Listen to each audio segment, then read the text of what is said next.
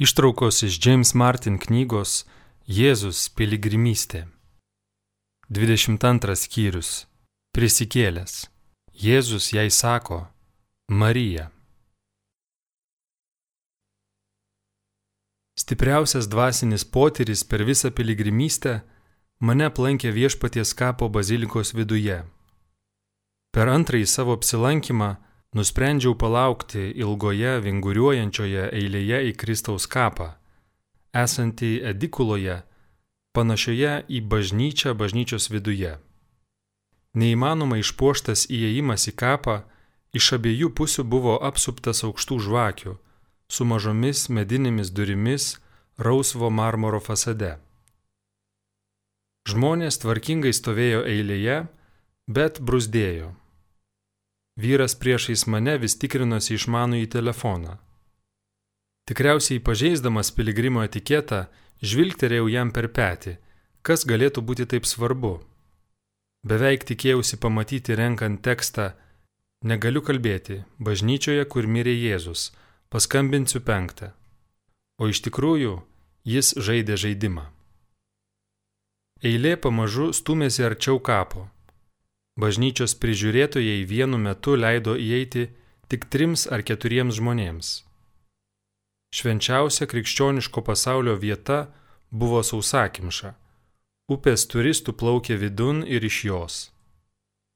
Vienuoliai pranciškonai ir ortodoksai, dvasininkai etiopai pereidavo marmoro grindimis, rūpestingai vengdami vienas kito. Kažkur visai šalimais sklido giesmė. Po pusvalandžio pasiekiau duris. Man su saujelė kitų piligrimų buvo pamota įeiti į mažą prieškambarį. Ten laukėme įėjimo į kapą. Virš tarpdurio išražytas marmuras priminė audinio klostes, tarsi virš įėjimo kabėtų portiera. Prižiūrėtojas pateikė instrukcijas. Jei norime, galime pabučiuoti akmenį ar kitaip jį pagerbti, bet neturime viduje užtrukti per ilgai. Žvelgdamas per kažkieno petį, supratau, kodėl įleidžia tik po keli žmonės. Erdvė buvo mažytė. Paskui išeisime tuo pačiu keliu, kaip atėjome. Atėjo paskirtas laikas. Kaip ir įeidami į gimimo bažnyčią, privalote pasilenkti. Šiek tiek pasilenkęs įėjau į vidų su vyru ir moterimi Priešais mane buvo rausvai pilkas akmuo, siekiantis maždaug juosmenį. Ant atbrailų aplink akmenį, kuris atstojo ir altorių, skaiščiai degė dešimtis žvakių.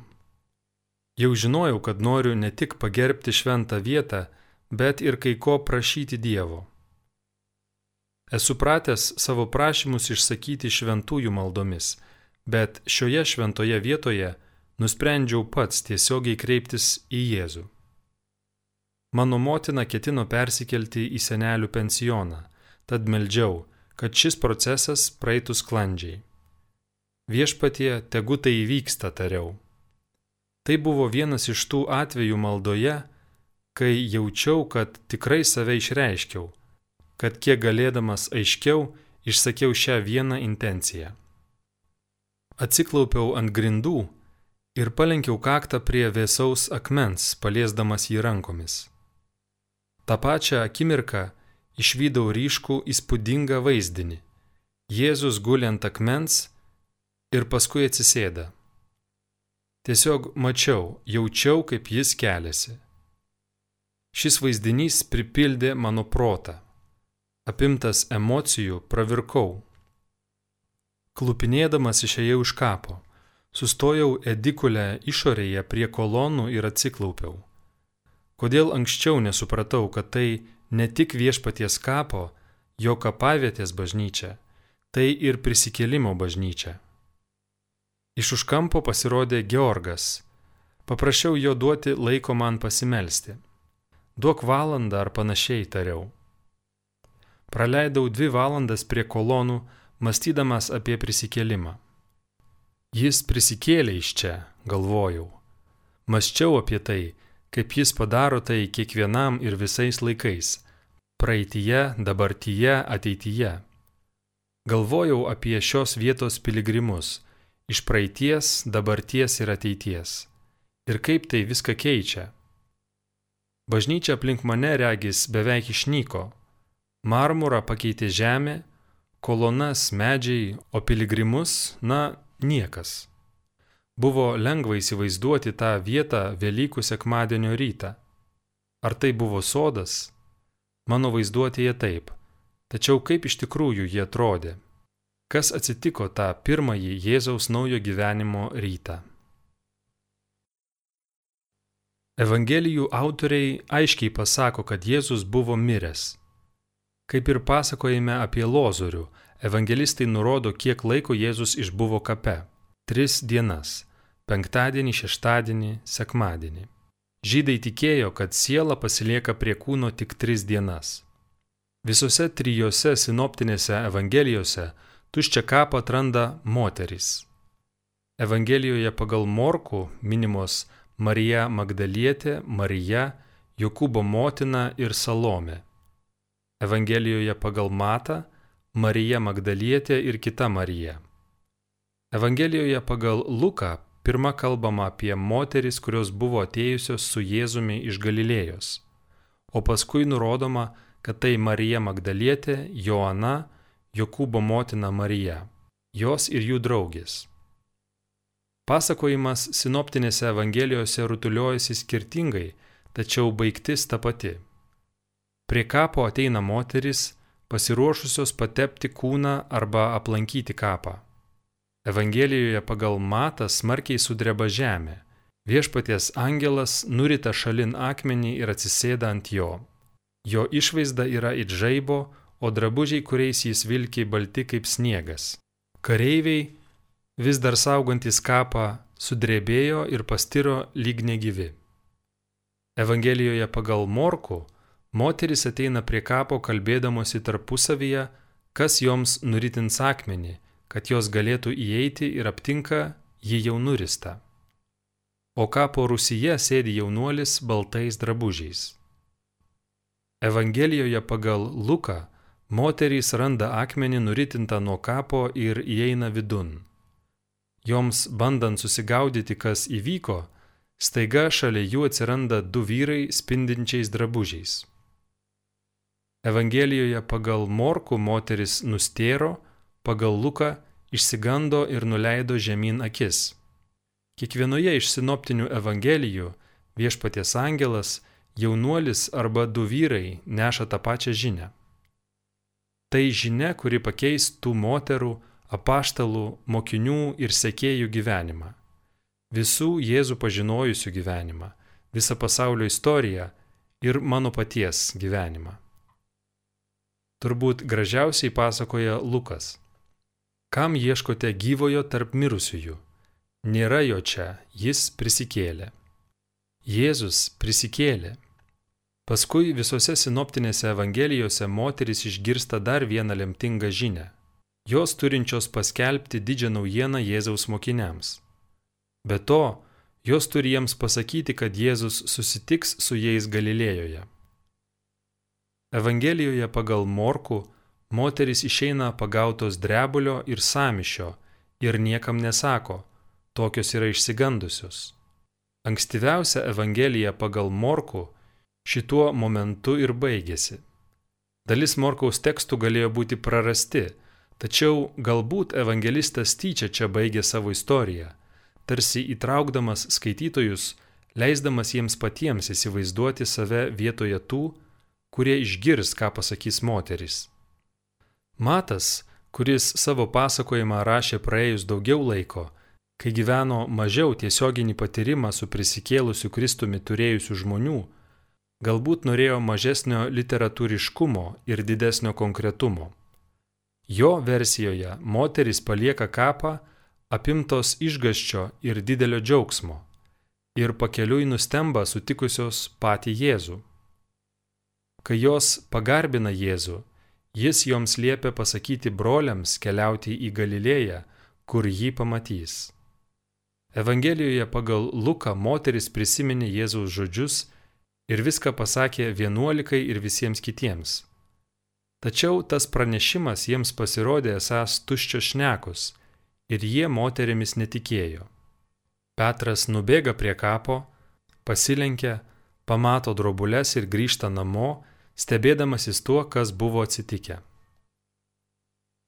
Evangelijų autoriai gyvais žodžiais perteikia intensyves moterų reakcijas. Evangelijoje pagal Morko angelų pasirodymas padaro jas ektambeistai, apstulbusias ar nustebusias. Tuo pačiu gilų jausmą perteikiančių žodžių apibūdinamas Getsemanija besimeldžiantis Jėzus. Artima reikšmė yra netekęs galvos. Nueinančios moteris apibūdinamos kaip tromos kai ekstasis, drebančios ir sumišusios. Pastarasis žodis reiškia esančios nesavyje. Jos niekam nieko nesako, tokios yra išsigandusios. Matas ir Lukas vaizduoja panašias nenugalimas emocijas. Evangelijoje pagal Luką matydamos angelus, moteris iš baimės nuleidžia akis. Evangelijoje pagal Matą, moteris sutikusios patį prisikėlusi Kristų, bėga pas mokinius Fobau Kaiharas Megales, apimtos išgaščio ir didelio džiaugsmo. Priešingai jų tylėjimui Evangelijoje pagal Morku, džiaugsmas pastumėja jas nuskubėti skelbti gerąją naujieną. Tačiau Evangelija pagal Joną pasakoja kitokią istoriją. Ir prie šio naratyvo norėčiau apsistoti. Tai dviejų draugų - Jėzaus ir Marijos Magdalietės istorija. Kaip ir sinoptinėse Evangelijose, Jono pasakojime apie prisikelimą centrinį vaidmenį vaidina Marija Magdalietė. Moterų indėlis pranešant Jėzaus prisikelimo istoriją yra tuo labiau nepaprastas, nes tuo metu moteris dažnai laikytos nepatikimomis liudytojomis. Vienas iš samprata, kad prisikelimo pasakojimai buvo išgalvoti paneigiančių argumentų yra šis. Jei evangelistai norėjo prasimanyti abejojantiems įtikinti skirtą istoriją, jie nebūtų pasirinkę moterų kaip pagrindinių liudytojų.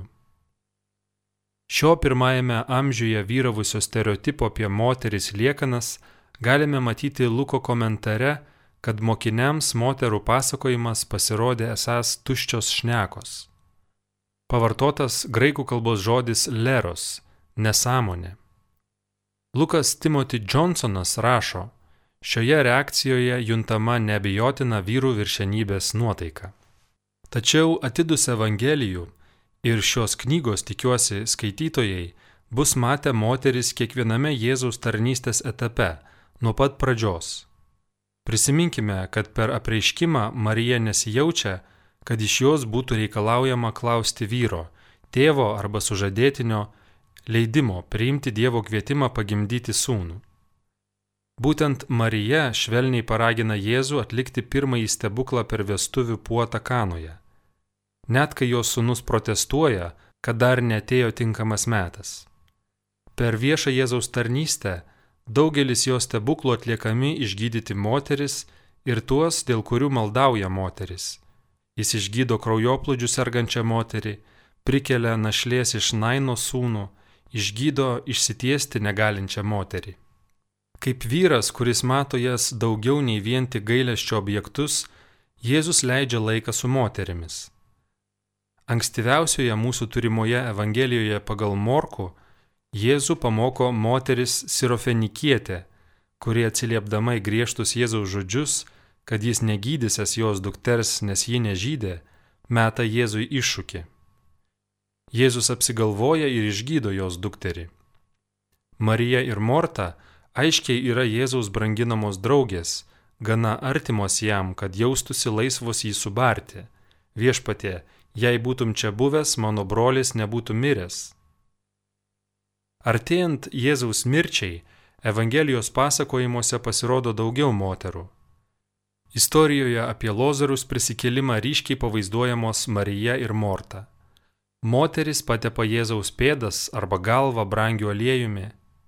Pakeliui į nukryžiavimo vietą Jėzus kalba Jeruzalės moterims. Ir būtent moteris lieka su juo per jo mirtį. Jėzaus motina Marija, jo gyvenimo alfa ir omega – prisijungia prie moterų, kurias Jėzus sutiko vėliau savo tarnystėje. Moterų įtraukimas buvo centrinė Jėzaus tarnystės dalis. Atsižvelgdamas į to meto artimųjų rytų kontekstą, Gerardas Lofnikas apibendrina tai žodžiu nuostabu. Atrodytų, rašo Lofnikas, kad čia Jėzus tyčia laužė visuomeninius elgesio standartus. Amy Jill Levine mano, kad nusižengimo socialinėms normoms idėja yra perdėta. Pažvelgus į Senojo testamento moteris, tai tuoj pat turėtų tapti aišku. Fariziejai turėjo globėjų moterų. Beje, Evangelijose tokia draugystė nieko nestebina. Galima ginčytis dėl klausimo, ar įtraukdamas į savo tarnystę moteris, Jėzus laužė socialinės ribas. Nebejotina tai, kad per visą krikščionybės istoriją moterų indėlis dažnai buvo sumenkintas, ignoruojamas arba klaidingai įvardyjamas. Imkime žinomą pavyzdį. Marija Magdalietė dažnai buvo tapatinama su prostitute, nors Naujajame testamente nėra įrodymo, kad ji tokia buvo. Matyt, klaidingas istorinis priskirimas kilo iš to, kad buvo pasakyta, jog Jėzus iš jos išvarė septynis demonus. Todėl buvo manoma, kad Marija anksčiau gyveno nuodėmingai. Taip pat vienu momentu Evangelijose ji minima arti istorijos apie prostitutę.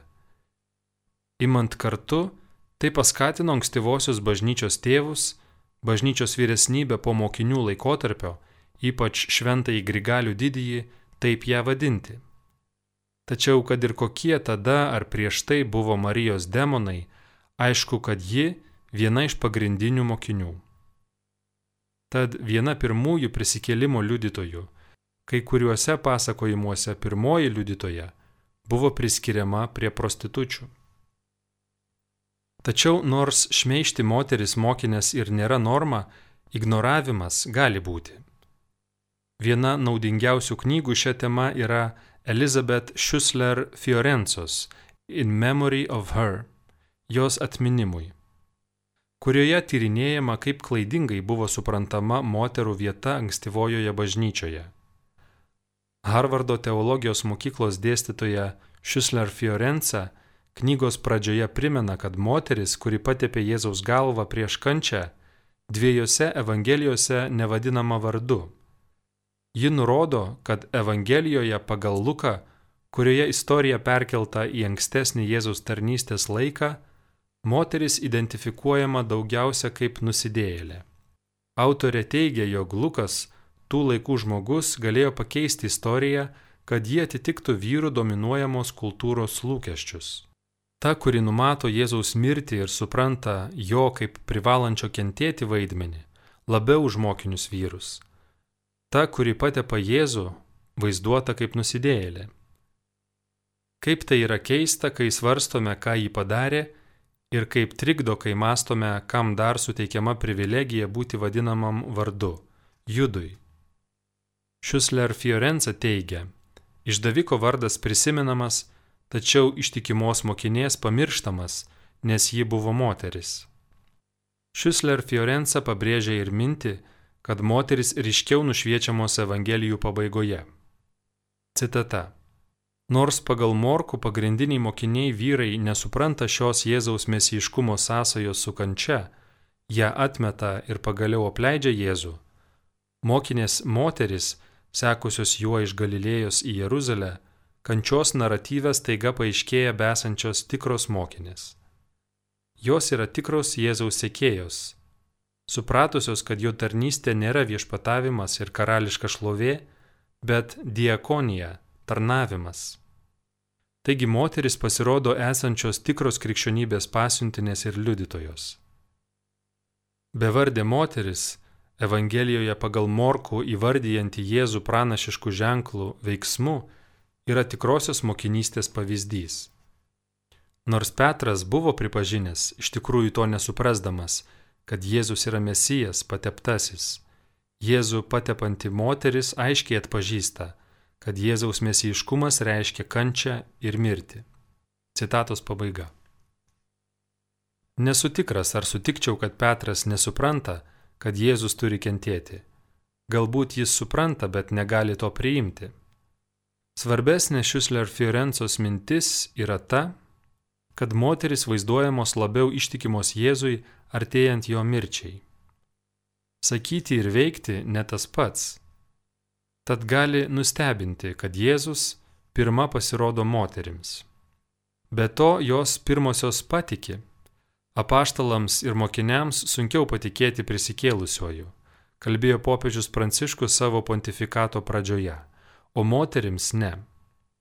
Popiežius Pranciškus tai suvokia, tačiau ši tiesa galėjo būti nepatogi patriarchalinėje ankstyvosios bažnyčios kultūroje.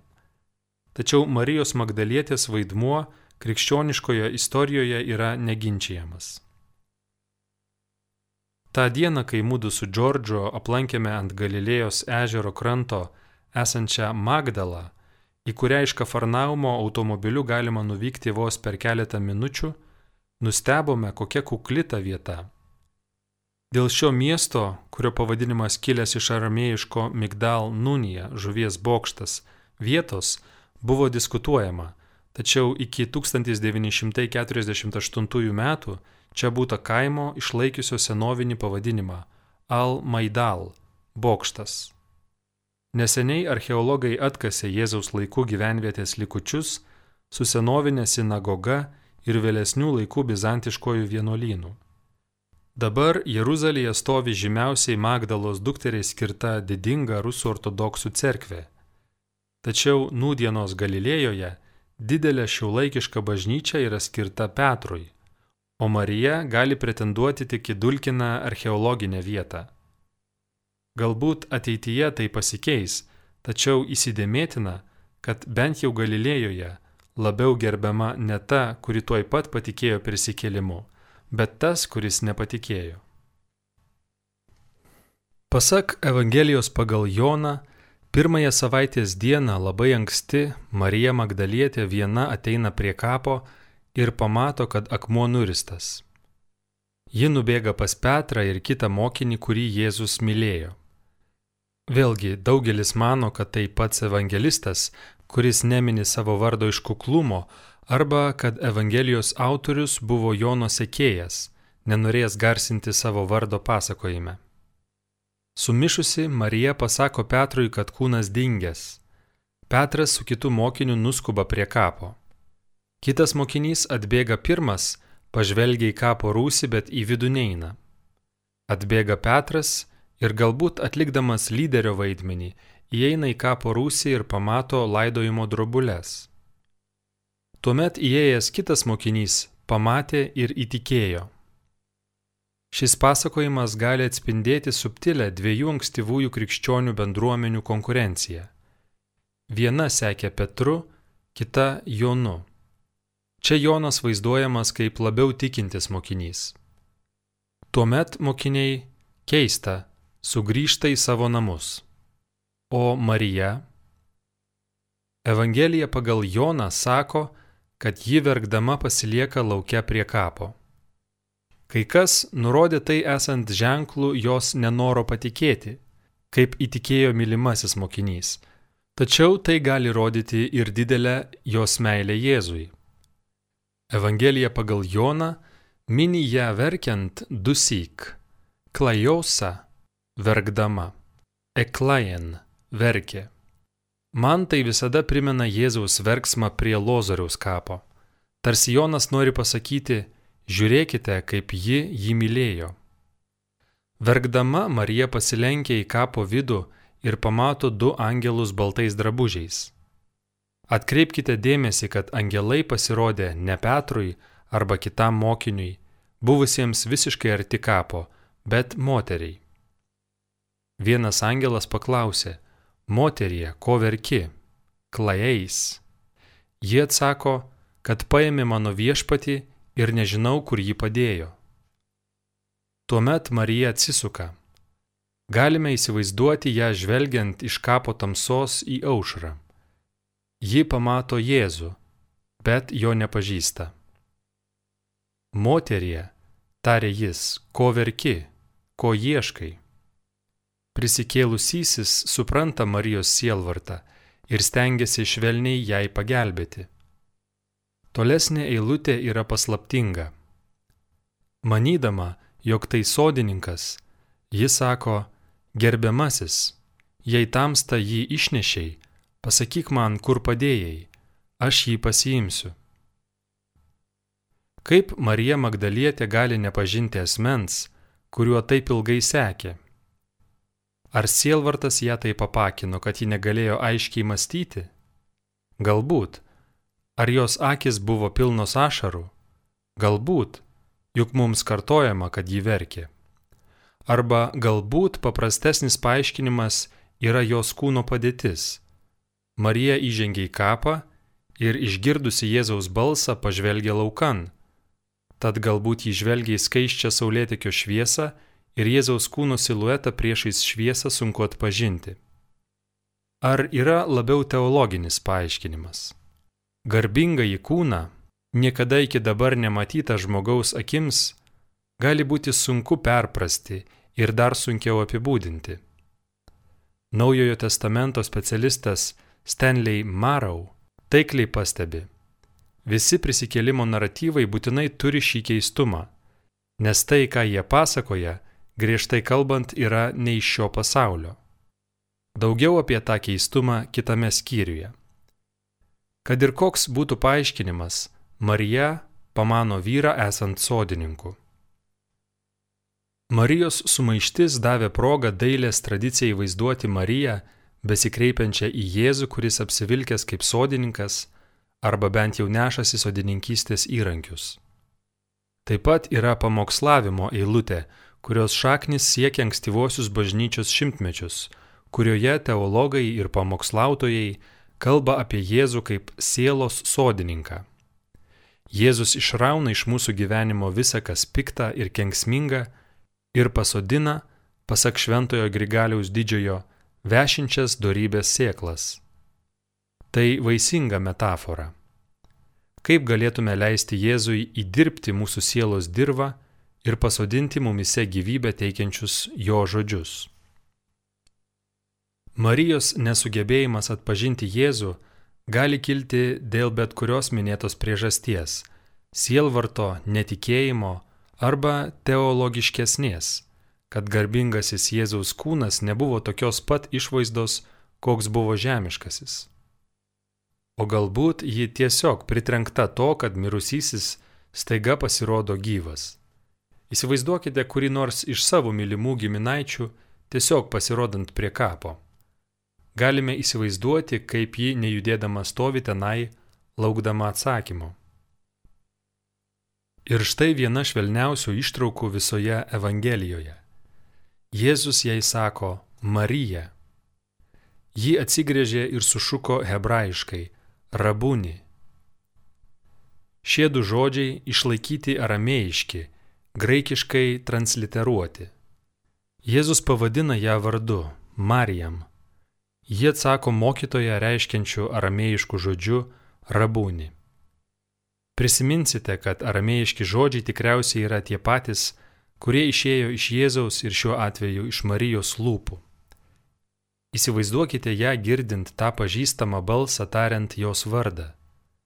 Potyris bus buvęs nepamirštamas, ir tikriausiai ji pakartojo tuos pačius žodžius, perpasakodama tą istoriją pirmą mokiniams, galbūt evangelistui ir visiems, kas klausysis, galbūt iki pat jos mirties dienos. Jos pačios draugai ir garbintojai turbūt brangino ir išlaikė šį aramėjišką kreipimąsi ir atsakymą - Marijam Rabūni. Marija nepažįsta Jėzaus, kol jis neištarė jos vardo. Iš pradžių Marija negalėjo jo atpažinti, tačiau ji pažinojo tą savitą balsą su nazarietiška tarsena. Balsą, kuris pašaukė ją į sveikumą, išvaikydamas ją kamavusius demonus, balsą, kuris priėmė ją į savo draugų būrį, balsą, kuris jai pasakė, kad ji vertinga Dievo akise, kuris atsakinėjo į jos klausimus juokėsi už stalo, guodė ją artėdamas prie žemiškojo gyvenimo pabaigos, balsą, kuris sušuko iš skausmo nuo kryžiaus. Marija pažinojo tą balsą, nes jis kalbėjo su meile. Tuomet ji pažino. Nes kartais matyti dar nereiškia tikėti. Tikėti reiškia mylėti. Mes išmokstame atpažinti Dievo balsą savo gyvenime, tačiau dažnai tik pamažu. Šventasis Ignacas Lojola sakė, kad Dievo balsas gali būti atpažįstamas dėl to, kad jis yra pakelintis dvasę, guodžiantis, drąsinantis. Su laiku išmokstame klausytis to balso savo širdyje. Ji tampa lengviau atpažinti ir kai girdime jį aiškiai, yra lengviau atsakyti tai šis balsas šaukia mus būti tokius, kokiems mums skirta būti. Tai šis balsas pašaukė Petrą nuo Galilėjos ežero krantų, Matą iš jo muitininko būdelės, Bartimiejų iš pakelės, Zachiejų iš šilkmedžio ir Mariją Magdalietę iš to, kas ją laikė nelaisvą.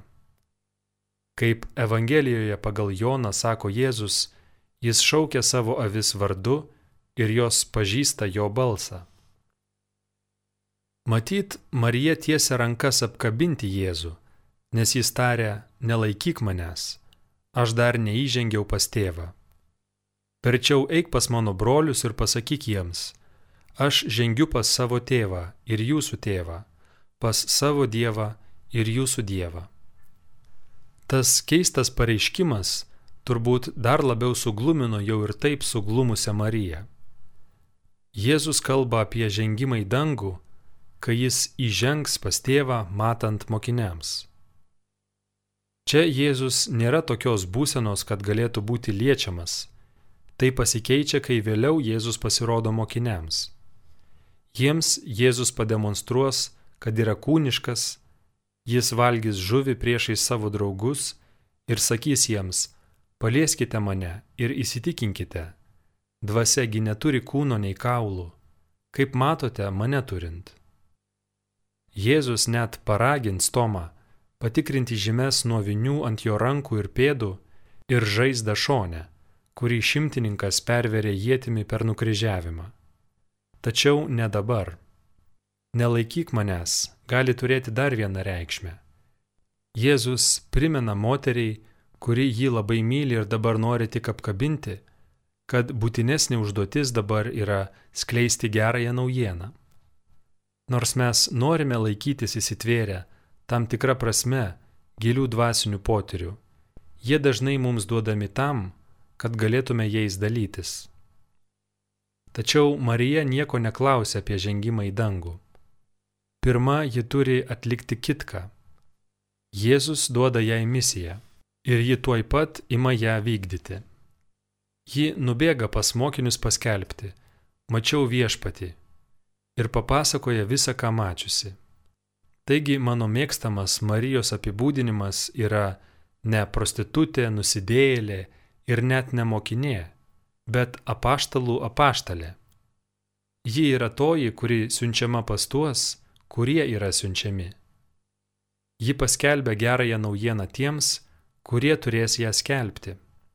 Marija Magdalietė mums primena, kad galingiausia priemonė skelbti gerąją naujieną yra ne žinios, bet patirtis. Abiem yra vietos krikščioniškame gyvenime, o mokytumas ir mokslas suteikia neįvertinamų turtų tikėjimui. Tačiau tikras mokinys nepaprasčiausiai sako, aš studijavau Jėzų, bet džiugiai kaip Marija skelbia, aš mačiau viešpatį. Girdėjote ištrauką iš James Martin knygos Jėzus piligrimystė 22 skyriaus prisikėlęs.